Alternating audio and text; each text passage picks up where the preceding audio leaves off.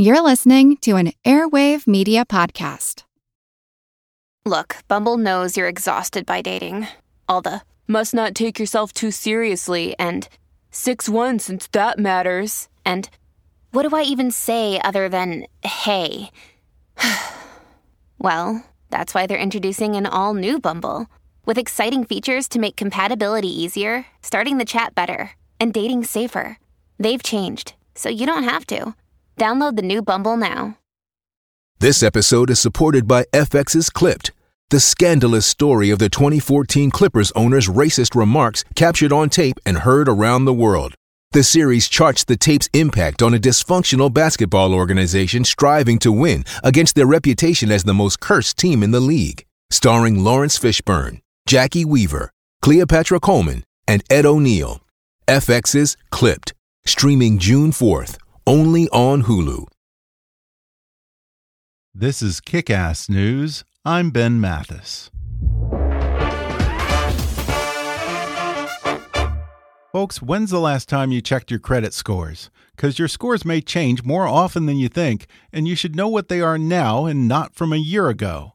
You know what they say information is power, and Credit Karma is here to help out. The best thing? Credit Karma is always free and there's no catch, no credit card needed. Go to creditkarma.com or download the Credit Karma app now. Again, that's creditkarma.com or download the app. And now, enjoy the podcast. The Doomsday Machine is designed to trigger itself automatically. But surely you can disarm it somehow? No, it is designed to explode if any attempt is ever made to untrigger it. But how is it possible for this thing to be triggered automatically and at the same time impossible to untrigger?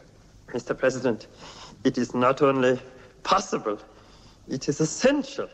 That is the whole idea of this machine, you know. Deterrence is the art of producing in the mind of the enemy the fear to attack. And so, because of the automated and irrevocable decision making process which rules out human meddling, the doomsday machine is terrifying. It's, it's simple to understand and completely credible and convincing. Gee, I wish we had one of them Doomsday Machines, Tainty. Hi, I'm Ben Mathis. Welcome to Kick Ass News. That was a scene from Stanley Kubrick's classic film Doctor Strangelove. The plot involves a rogue bomber and a terrifying doomsday machine that consists of a system of bombs designed to destroy the world upon the detection of a single nuclear explosion. At the time, the very idea of such a device made for biting political satire, but my guest today says exactly such a plan existed and may still exist today. He knows because he helped design America's nuclear war strategy, and he's since dedicated his life to dismantling that very system that threatens to annihilate the world. The legendary whistleblower Daniel Ellsberg is famous for exposing America's classified plan for the Vietnam War in the Pentagon Papers, and in a new book titled The Doomsday Machine Confessions of a Nuclear War Planner, he reveals that he still has some secrets to share. Secrets that should send chills down the spines of every man, woman, and child alive. And today he discloses that the president isn't the only one with his finger on the nuclear button and explains just how far down the chain of command that authority may reverberate.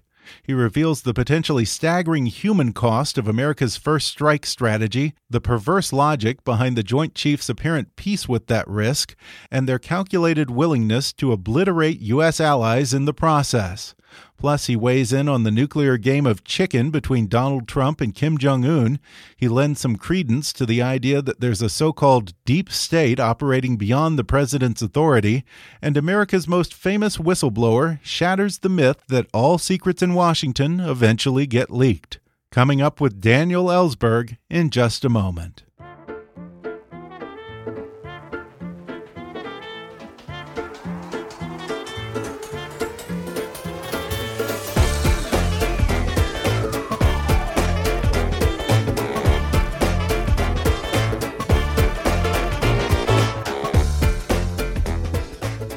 Today I'm talking with Daniel Ellsberg, the legendary whistleblower who released the classified Pentagon Papers, which exposed the true scale and, in some cases, criminality of the Vietnam War.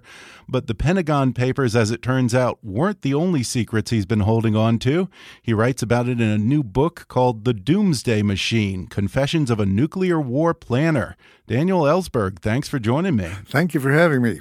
Well, as I mentioned, you're best known for the Pentagon Papers, and you say that you originally planned to follow up the Pentagon Papers with an expose of America's top secret nuclear war strategy. So, why did it take you over 45 years to finally write this book?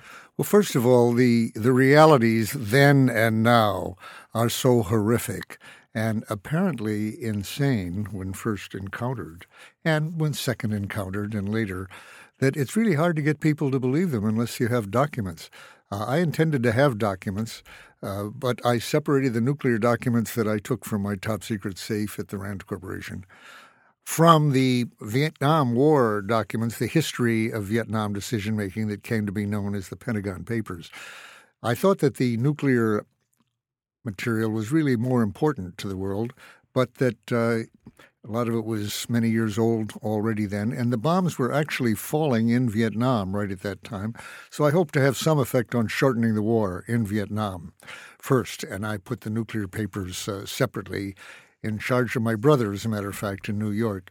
He put them uh, through a series of steps, ultimately uh, buried in a trash dump in New York, uh, where a tropical storm, Doria, hit that area and dispersed all the materials. And for a year and a half, we really tried, he tried to recover them.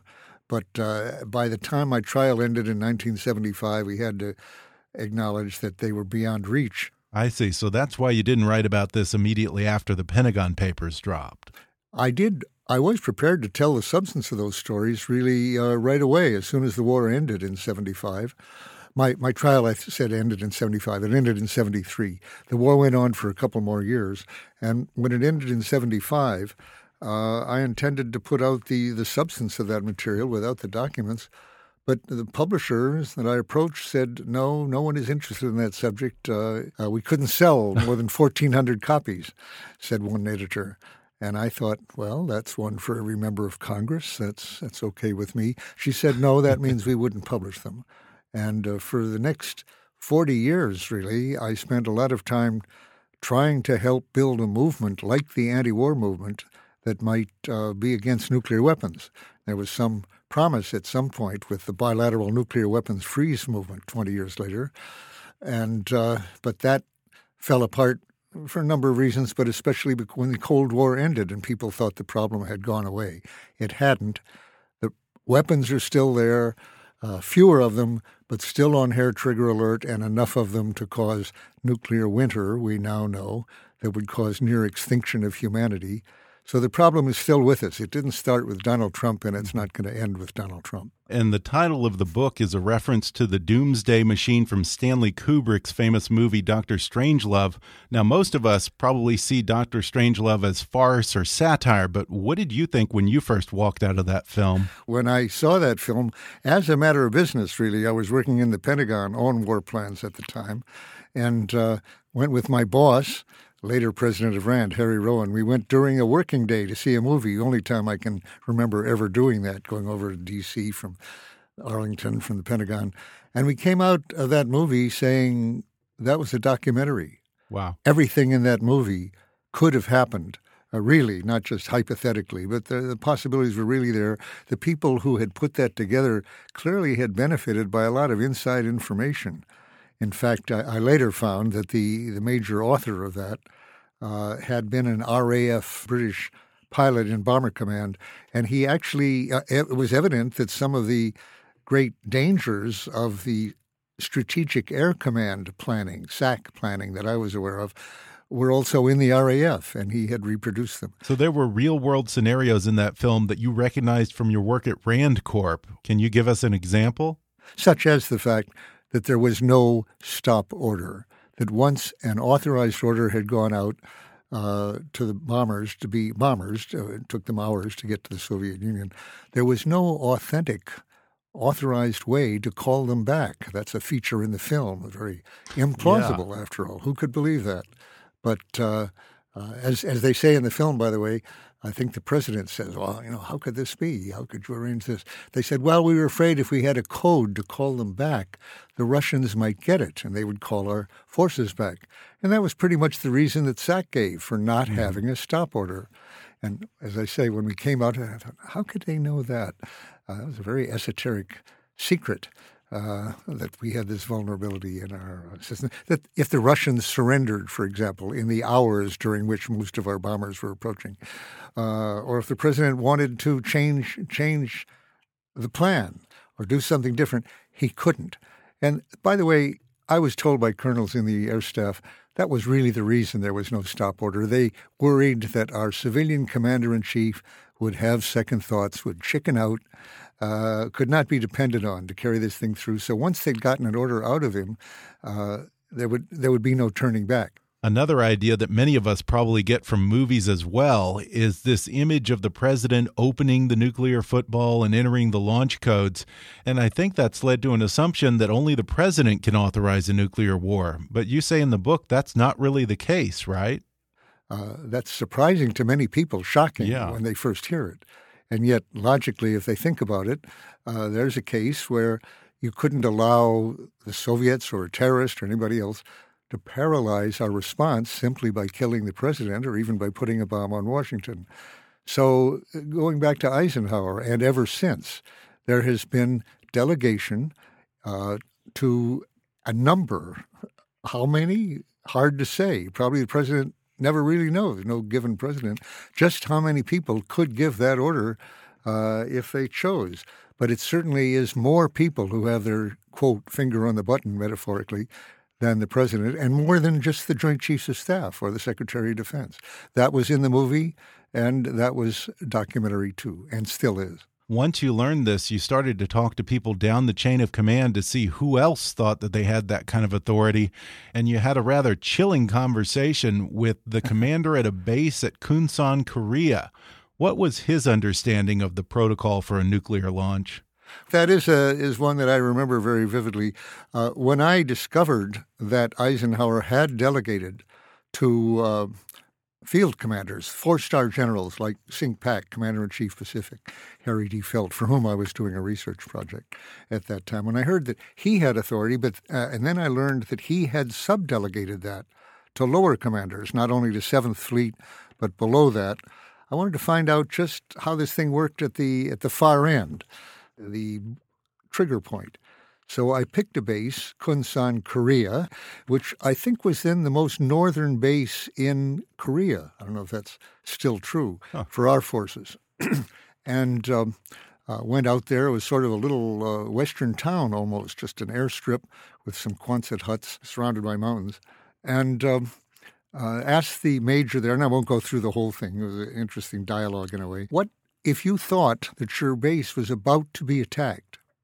If there was uh, indications of a, of a war going on perhaps elsewhere, or an accident elsewhere that uh, a nuclear explosion even that indicated that an attack might be happening, uh, what would you do? And he said, well, you know what we're supposed to do. We send the planes.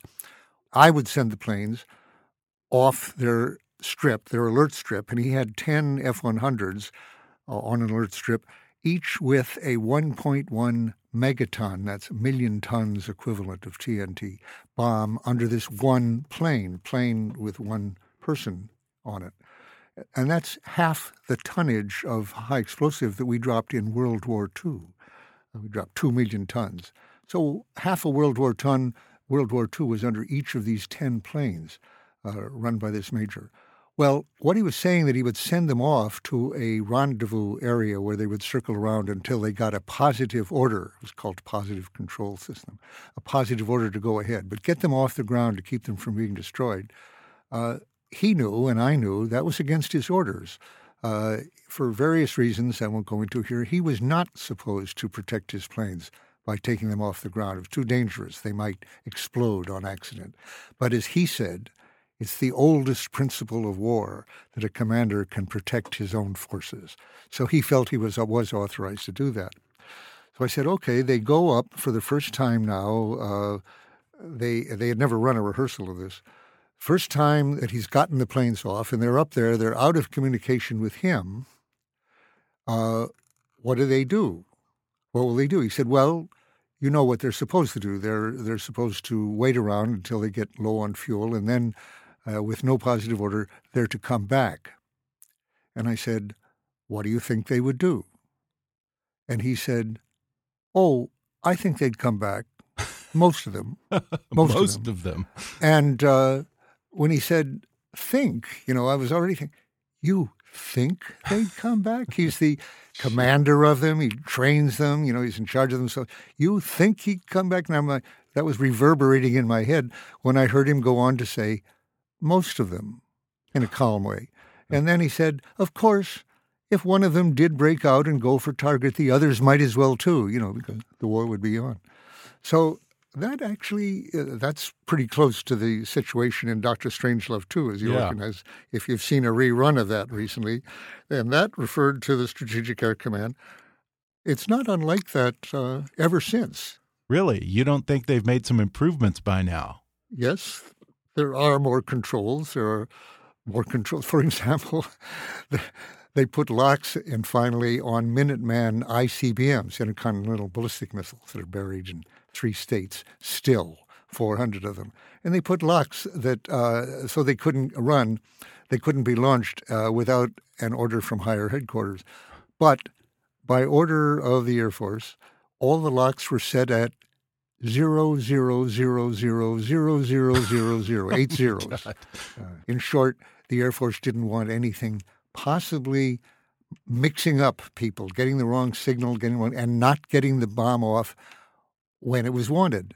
And a final point: those ICBMs are nothing other than lightning rods for attack. There's no circumstances under which it would be to our benefit to launch those, whether we'd been attacked or not been attacked.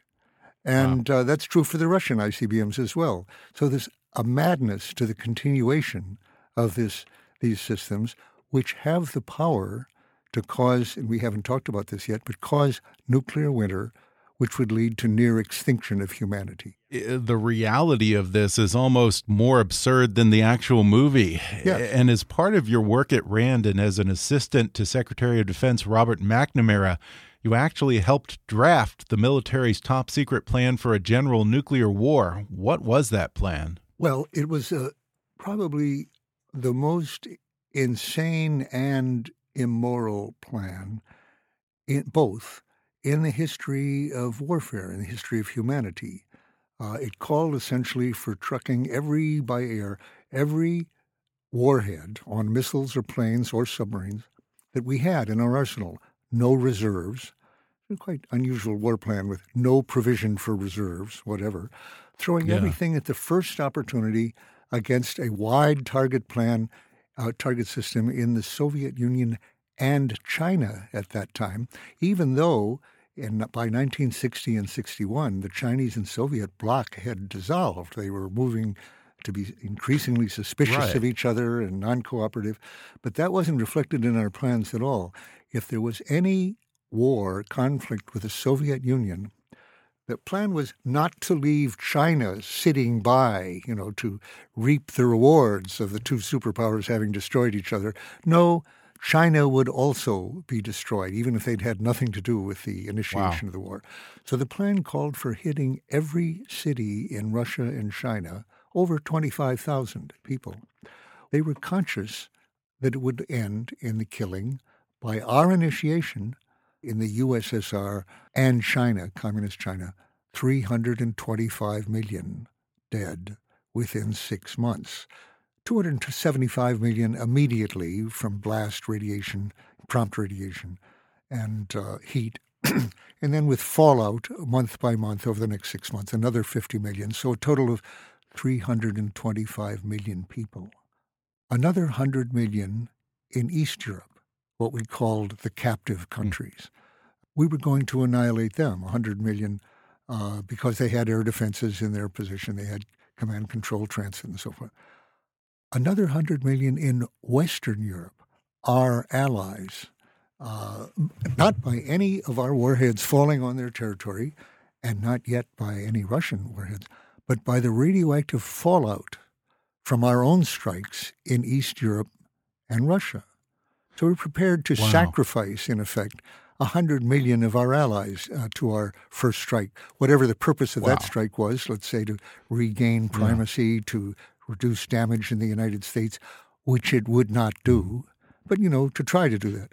A third hundred million would come from areas contiguous to the Soviet Union, mostly neutrals like Austria, Finland, uh, and uh, areas like Japan and India.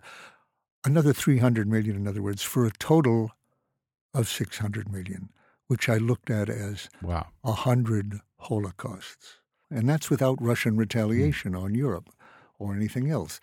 Uh, that would bring it up over a billion. That was a third of the Earth's population at that time. And that's what they were planning to achieve. Now, that's an insanity that really, you know, it explodes any human language. Uh, what can you call it? A crime, a sin, uh, a stupidity. Uh, wait a minute. We're talking about deliberately, uh, having prepared it for years and practiced it and rehearsed it, exterminating a third of the, of the Earth's population. And when you ask the Joint Chiefs how many lives would be lost in a nuclear war with Russia, they came back with that estimate in no time, which would lead one to the conclusion that they had already weighed the risks and considered those casualties an acceptable or at least necessary cost of war. in my mistaken belief that they hadn't calculated this, that the vast destruction they were going to wreak uh, had not been calculated by them adequately. Uh, I was wrong about that. Uh, the Joint Staff, working for the Joint Chiefs of Staff, they did know it. The Joint Chiefs, without any apology, without any resignation or sign of anguish or anything else, they came right back with an answer. Uh, there was no accountability for that. They all continued in their jobs, continued doing it, in the expectation that they would not be fired as a result of having constructed this plan. And, this, and they were right, they weren't. We're going to take a quick break, and then I'll be back with more with Daniel Ellsberg when we come back in just a minute.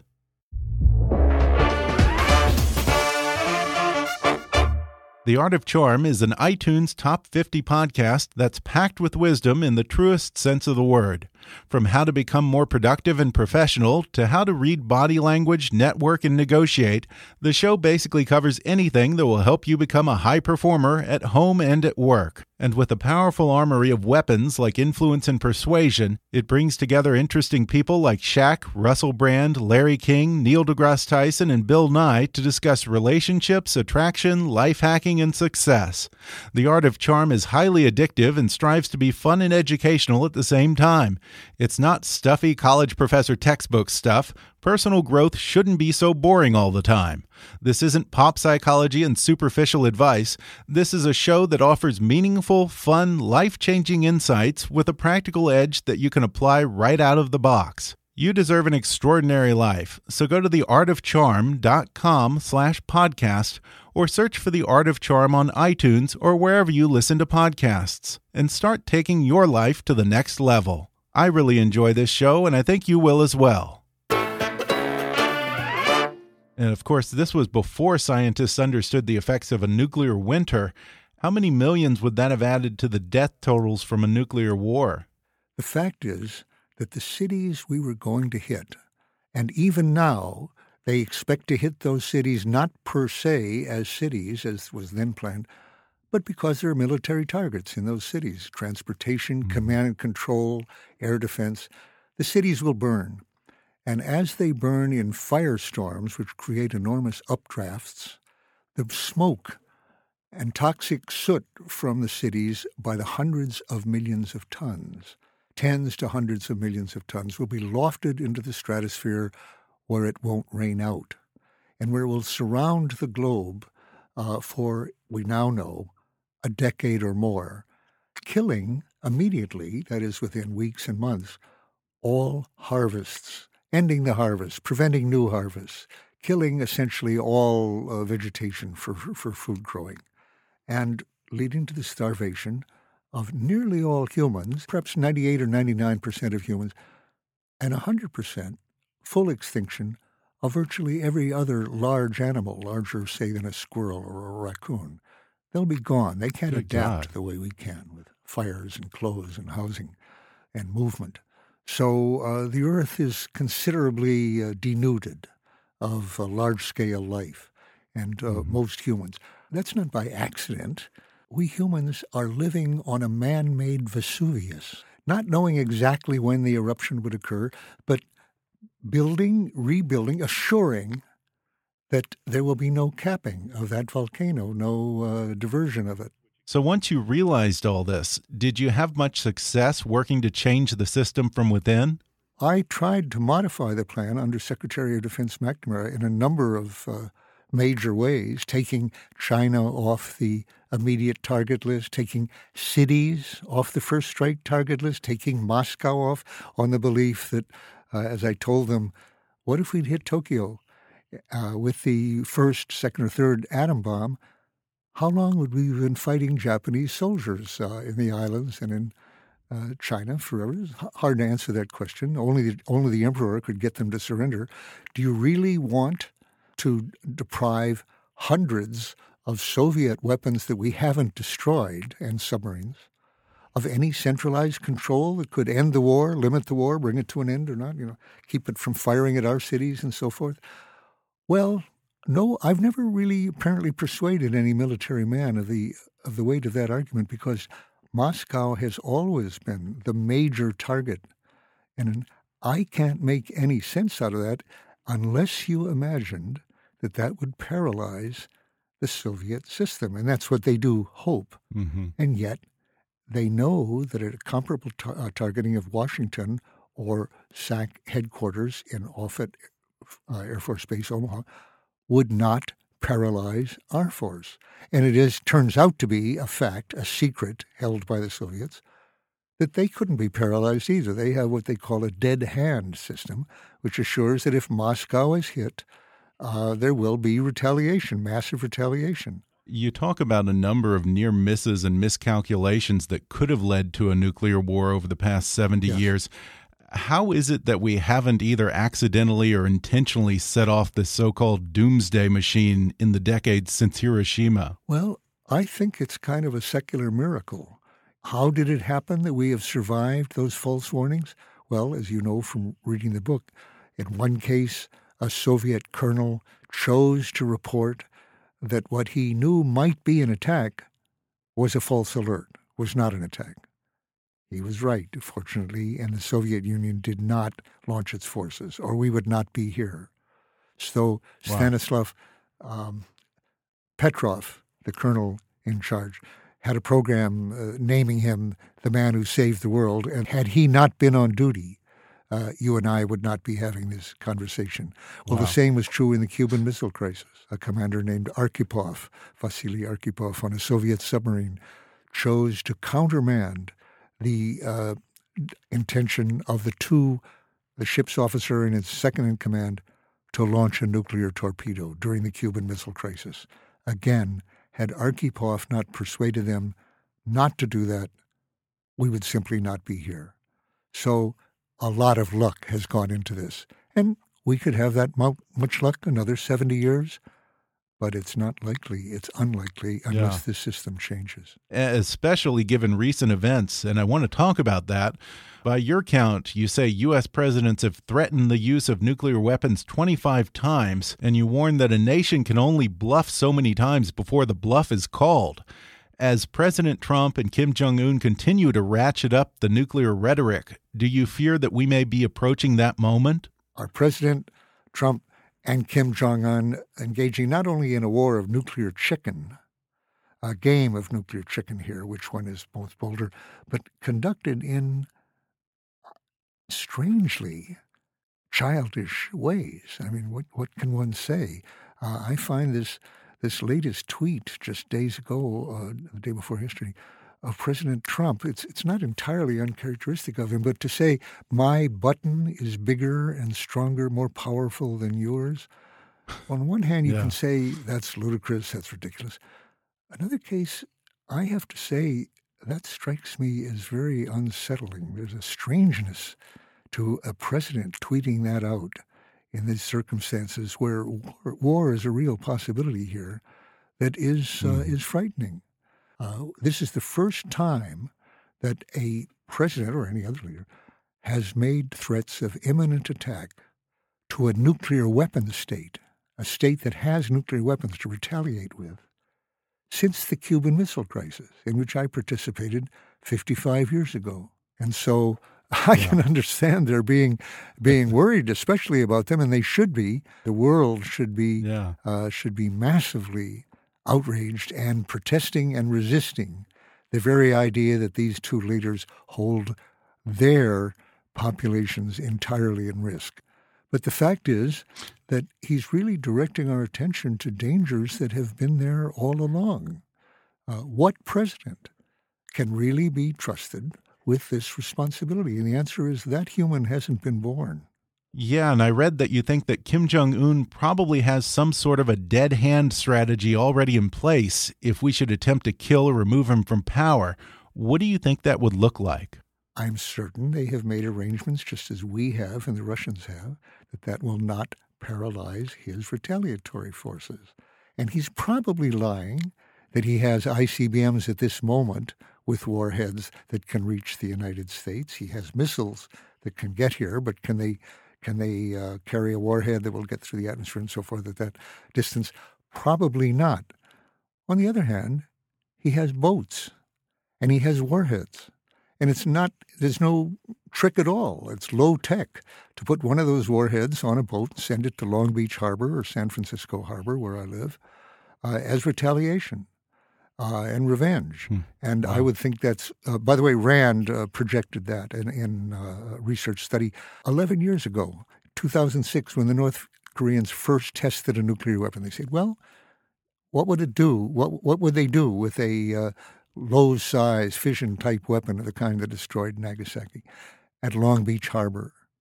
And the answer is 65,000 dead right away, another quarter of a million dead through fallout before long, total disorganization of the, the country's transportation system. That surprised me a little, by the way. You know, as a layman, I would have thought, well, one port gone, we've got lots of ports. Uh, apparently, the system is such, the network is such, take out one port like that, and you've got immense logistic problems of uh, you know, hmm. supporting the rest of the nation. It is simply not, almost certainly not true, as Senator Lindsey Graham says, that if we go to war with North Korea, which will almost certainly escalate to nuclear war, that all the casualties will be over there. Uh, we'll have a, a wartime situation over here with immense casualties, even if they're confined to one, two, three cities that will enormously overtax our entire uh, hospital population, and I would say lead to martial law. Uh, President Trump continues as recently as yesterday to suggest that there's some kind of deep state conspiracy working against him within the Justice Department, the military, the intelligence community, which sounds to me like lunatic paranoia. And yet, you recall in this book encountering entrenched military bureaucrats who stymied you and tried to prevent presidents from knowing about the plan for general yeah. nuclear war. Does your experience lend some validity to this idea that there is a deep state operating separate from the president? Well, there, the question is separate from the president. Yes, to a considerable extent it is. Now, a large apparatus is set up to protect the president from responsibility for covert mm-hmm. operations specifically. For instance, they're they're authorized by a committee. It changes its name every time the name is uh, comes to print, which is every few years. It's not very common. I think it was earlier called the 5812 committee, then the 303 committee, then the 30 committee, then you know one thing after another. The whole purpose of which is to take responsibility uh, to cover the president. It's a cover story. Plausible denial. The president didn't know this. It's also true, though, that they can act against what they see as what they know as the president's desires or the intentions. Yes, mm. these people operate in secret. That's their nature, whether they're appointees uh, just brought in or whether they're, as the deep state suggests, whether they're long term bureaucrats. They act conspiratorially by nature. They do that every day. Usually, it's at the desire of the president. And uh, they're really more responsive on that than the public is ever allowed to believe. In other words, the president wants to be able to disclaim failures and crimes and lies and whatnot. And if they come out at all, he wants to be able to blame it on somebody else. But of course, that apparatus is also there uh, to be used against a president. My concern right now, by the way, is that the generals that he has pawned to high power here will not go against all of their training and instincts and restrain him uh, ultimately from terribly reckless acts. When, when you have to count on somebody who's supposedly the adult in the room who will restrain the president yeah. from acts, when you have to count on someone whose military nickname is Mad Dog, uh, that's you know is not entirely reassuring, True. and uh, uh, that's where we are. Will those people really resign and uh, uh, and refuse to carry out such orders? No one ever has. I don't know in, in history, certainly American history, when there's an example of that. Uh, they they buckle in. They decide, well, even if it's a bad action, I will do it better than some other guy, and why throw up my career and let somebody else do it anyway? Wow. And if they did refuse, they would be replaced quickly. Hmm. So, uh, yeah. You could say, yes, there is a deep state, but the system's more complicated than that. We have yeah. a covert foreign policy generally led by the president. Uh, and, and the secrecy is above all to keep it from the public. Well, before we go, as the most famous government whistleblower, I want to ask you there's this cliche that no one in Washington can ever keep a secret. But in this book, you talk about the elaborate portfolio of security clearances you had and something called the two phone call system, which you say was very effective for decades. Is this idea that sooner or later everything comes out in the New York Times a myth? Yes, it's simply a cover story. It's part of the indoctrination or the propaganda that helps to conceal all these secrets, to keep people from prying on the or, or putting it out on the assumption, well, you don't have to put it out. Someone else, if you're inside, someone else will eventually. They'll get it eventually. Not true. It can be generations, not just decades, but uh, half a century. Uh, and some of those things have not come out yet, and that's well over half a century. Mm-hmm. Uh, the National Security yeah. Archive has been quite good in using the Freedom of Information Act to put a lot of this information out. But even so, they tend to be about 20 or 30 years behind uh, the current situation. It, mm. it, can take them 10 or 20 years of uh, court appeals to get that information out. So the truth is, secrets that should be known to the public can be effectively kept secret by hundreds and thousands of people for decades. And that's the mm. truth. Well, the result of that is yeah that we know about as much about what our government is doing in our name as a five year old knows about what daddy is doing at the office mm-hmm. or mommy. Wow. And uh, uh, even uh, scholars and journalists who worked at this uh, on documents and so forth are like 10 year olds. Uh, the truth is, popular sovereignty is kind of a hoax. If there were people right now who could tell us what the real official estimates of the dangers of a war with North Korea are, the estimates that are being sent up to the White House, whether or not Donald Trump reads them. I just read today in the new book that he reads nothing. Right. But uh, if they could get that information on Fox and Friends at the cost of their own freedom, let's say, putting it out, mm. maybe getting it to the president, and meanwhile getting it to Congress, not the, you know, they're, the Republican Congress uh, is not exactly to be relied on, but uh, the public, uh, so that we could see the kind of reaction we had to his ban on airports uh, at the beginning of the immigration ban, where people could say, "Not in our name. This is uh, this is not right, and it's got to change." Uh, people can do that.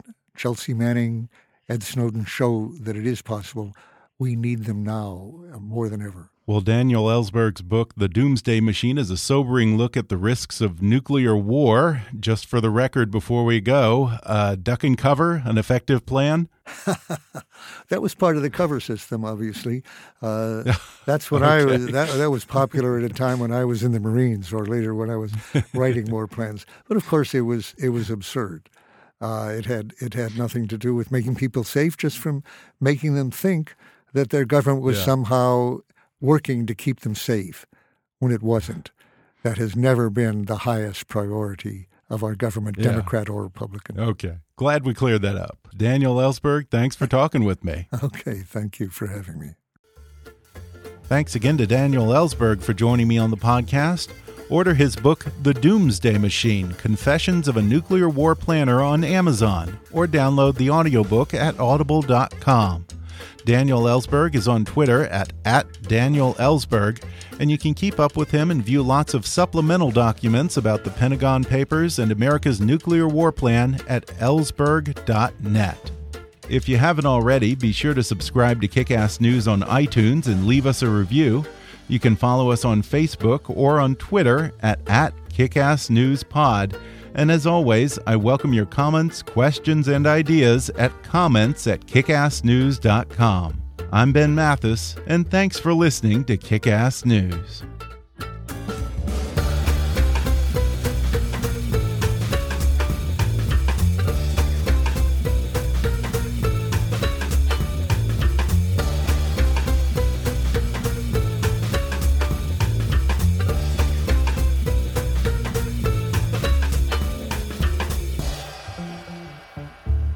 Kickass News is a trademark of Mathis Entertainment, Inc.